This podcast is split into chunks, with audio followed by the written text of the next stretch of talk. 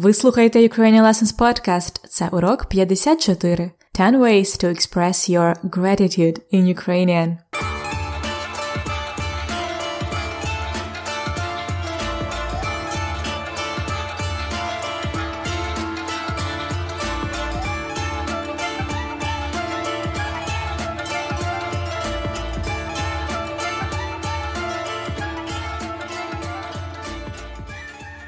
Привіт! Це Анна, ваша вчителька української.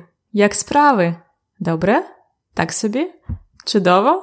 У мене чудово. Бо сьогодні на подкасті у нас особливий урок. Сьогодні я буду говорити тільки українською. Так, так, лише українською. Ми не будемо говорити про граматику, і ми не будемо слухати діалог.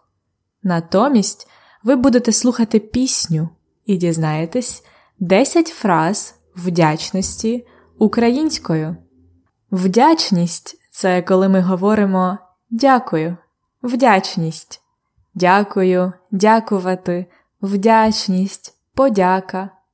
То ви готові починати цей урок про вдячність? Тоді для початку слухайте пісню. Це гурт Океан Ельзи.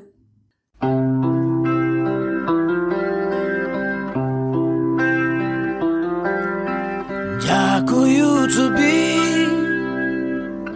за те, що ти завжди зі мною. І навіть так, як я хотів, і не без бою, але й без непотрібних слів.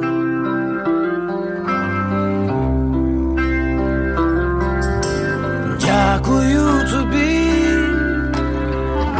за те, що ти завжди зі мною. Я живу не так, як всі.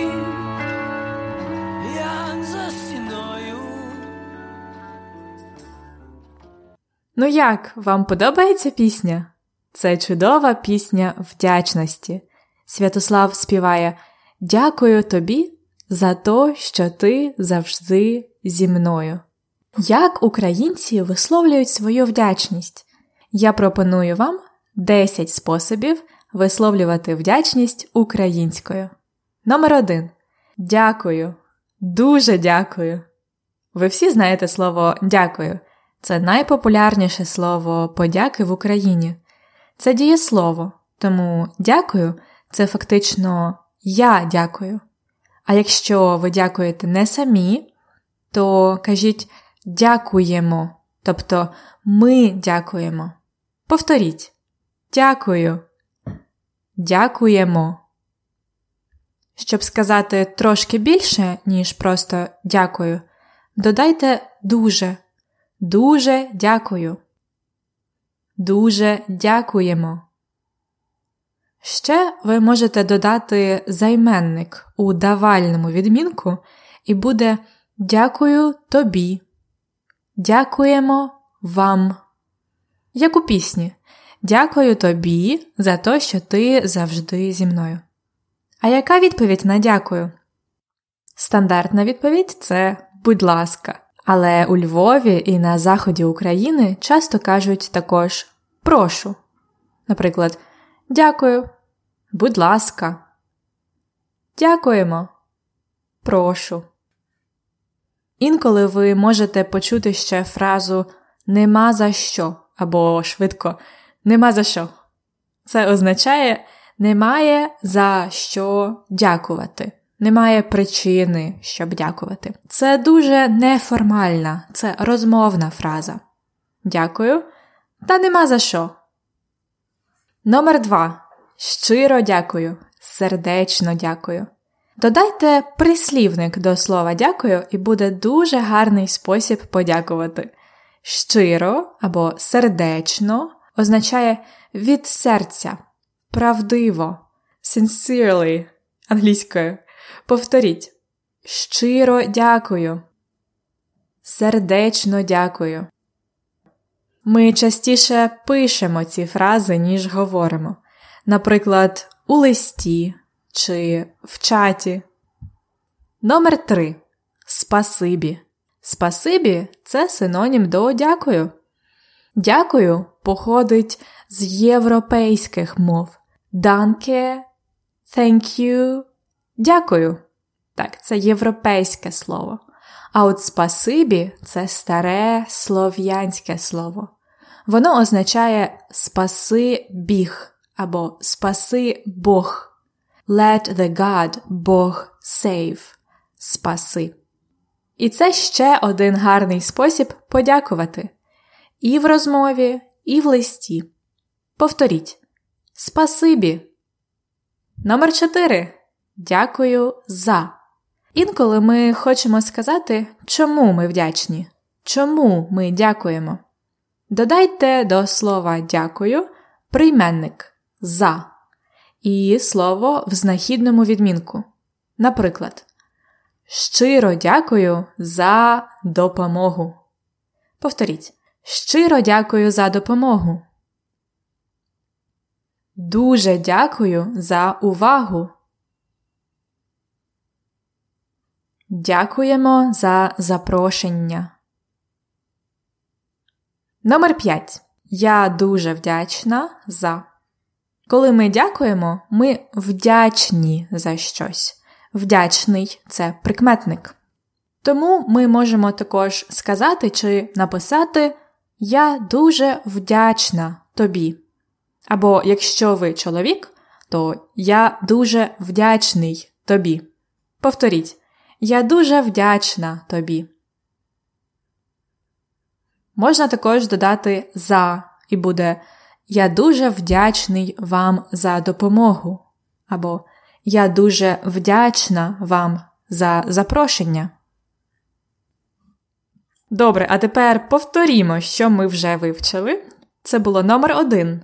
Дякую. Дуже дякую. Номер два. Щиро дякую. Сердечно дякую. Номер три. Спасибі. Номер чотири. Дякую за. Номер п'ять. Я дуже вдячна за. Добре. А тепер номер шість. Я перед вами в боргу. Борг. Це якщо ви позичили, взяли щось у людини, взяли гроші, і ви повинні їх повернути. Тобто ви винні людині гроші, ви маєте борг, ви в боргу. Якщо людина зробила щось дуже важливе для вас, щось дуже велике, ви можете сказати Я перед вами в боргу. І це означає, що ви готові допомогти цій людині в майбутньому. Повторіть Я перед вами в боргу.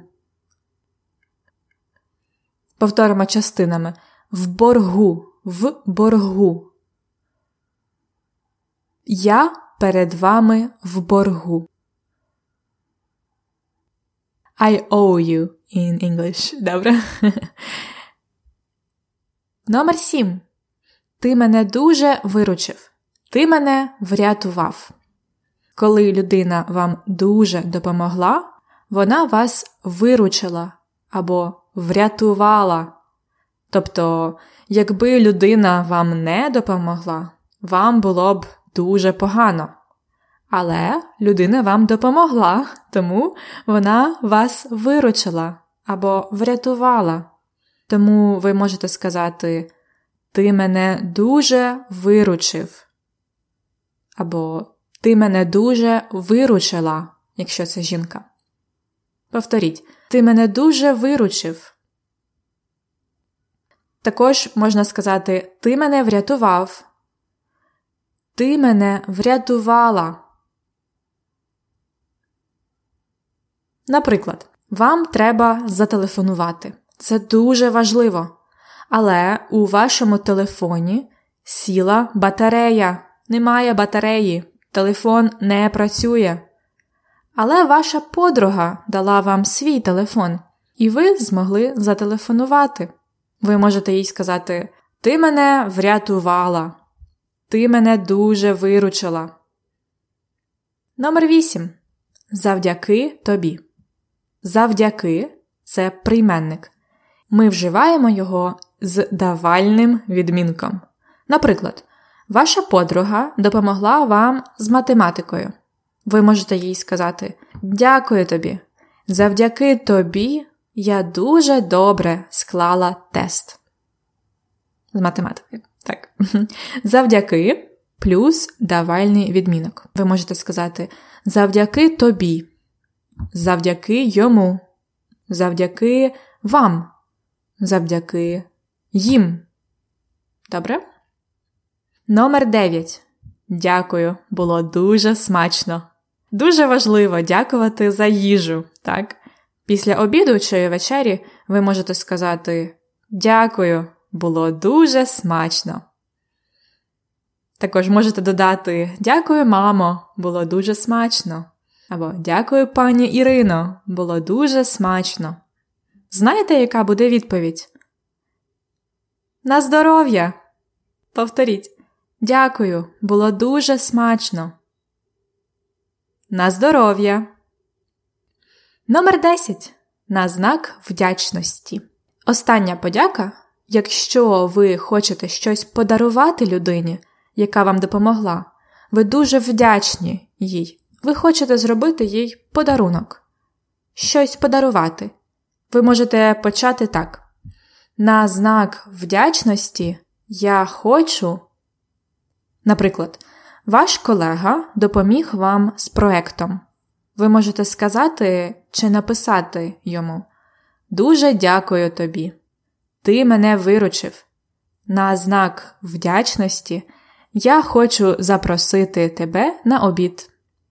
Повторіть на знак вдячності. І це був номер 10. А зараз повторимо ще раз усі вдячності. Номер 1. Дякую. Дуже дякую. Номер 2. Щиро дякую. Сердечно дякую. Номер 3. Спасибі. Номер 4.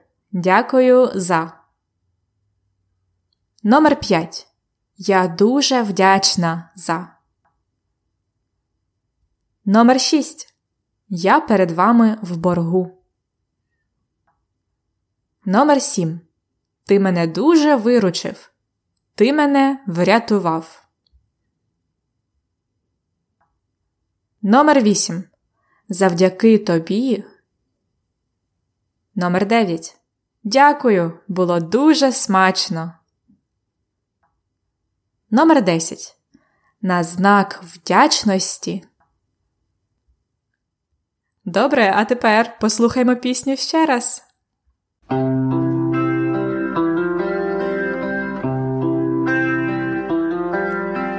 Дякую тобі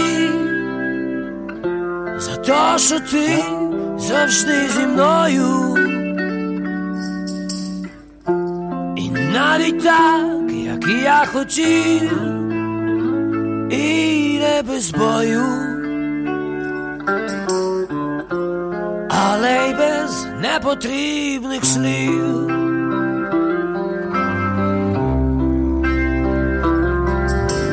Дякую тобі за те, що ти завжди зі мною. Я живу не так, як всі, як за стіною. Культурний факт на подкасті. То як було? How was it? I hope you enjoyed being 100% in Ukrainian and not too frustrated.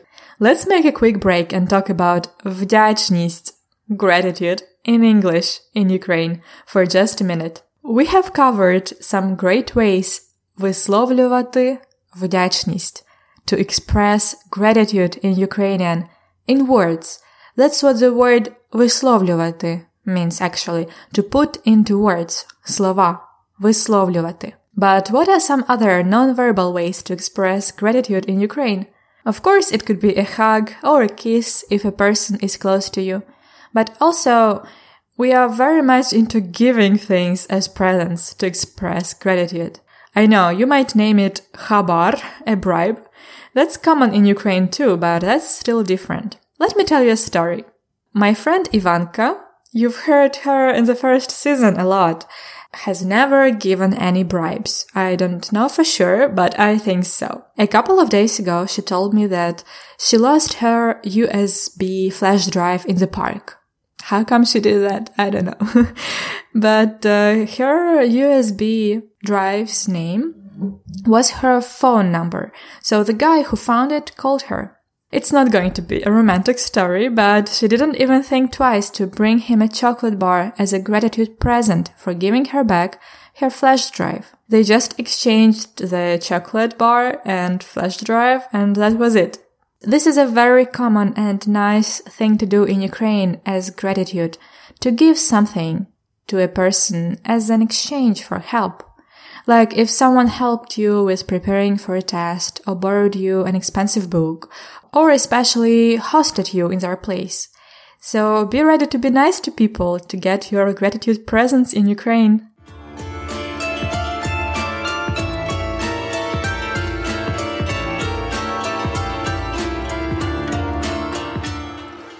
Щиро вам дякую за те, що слухаєте мій подкаст. Завдяки вам подкаст Ukrainian Lessons вже має 54 епізоди. Я буду дуже вдячна за ваші коментарі та відгуки про подкаст на iTunes або на моєму сайті ukrainianlessons.com testimonials. На знак вдячності вам я напишу всі 10 способів вдячності, про які я сьогодні говорила, на сайті. Ви можете знайти всі 10 фраз на ukrainianlessons.com episode 54. Дякую за увагу! До наступного уроку! До побачення!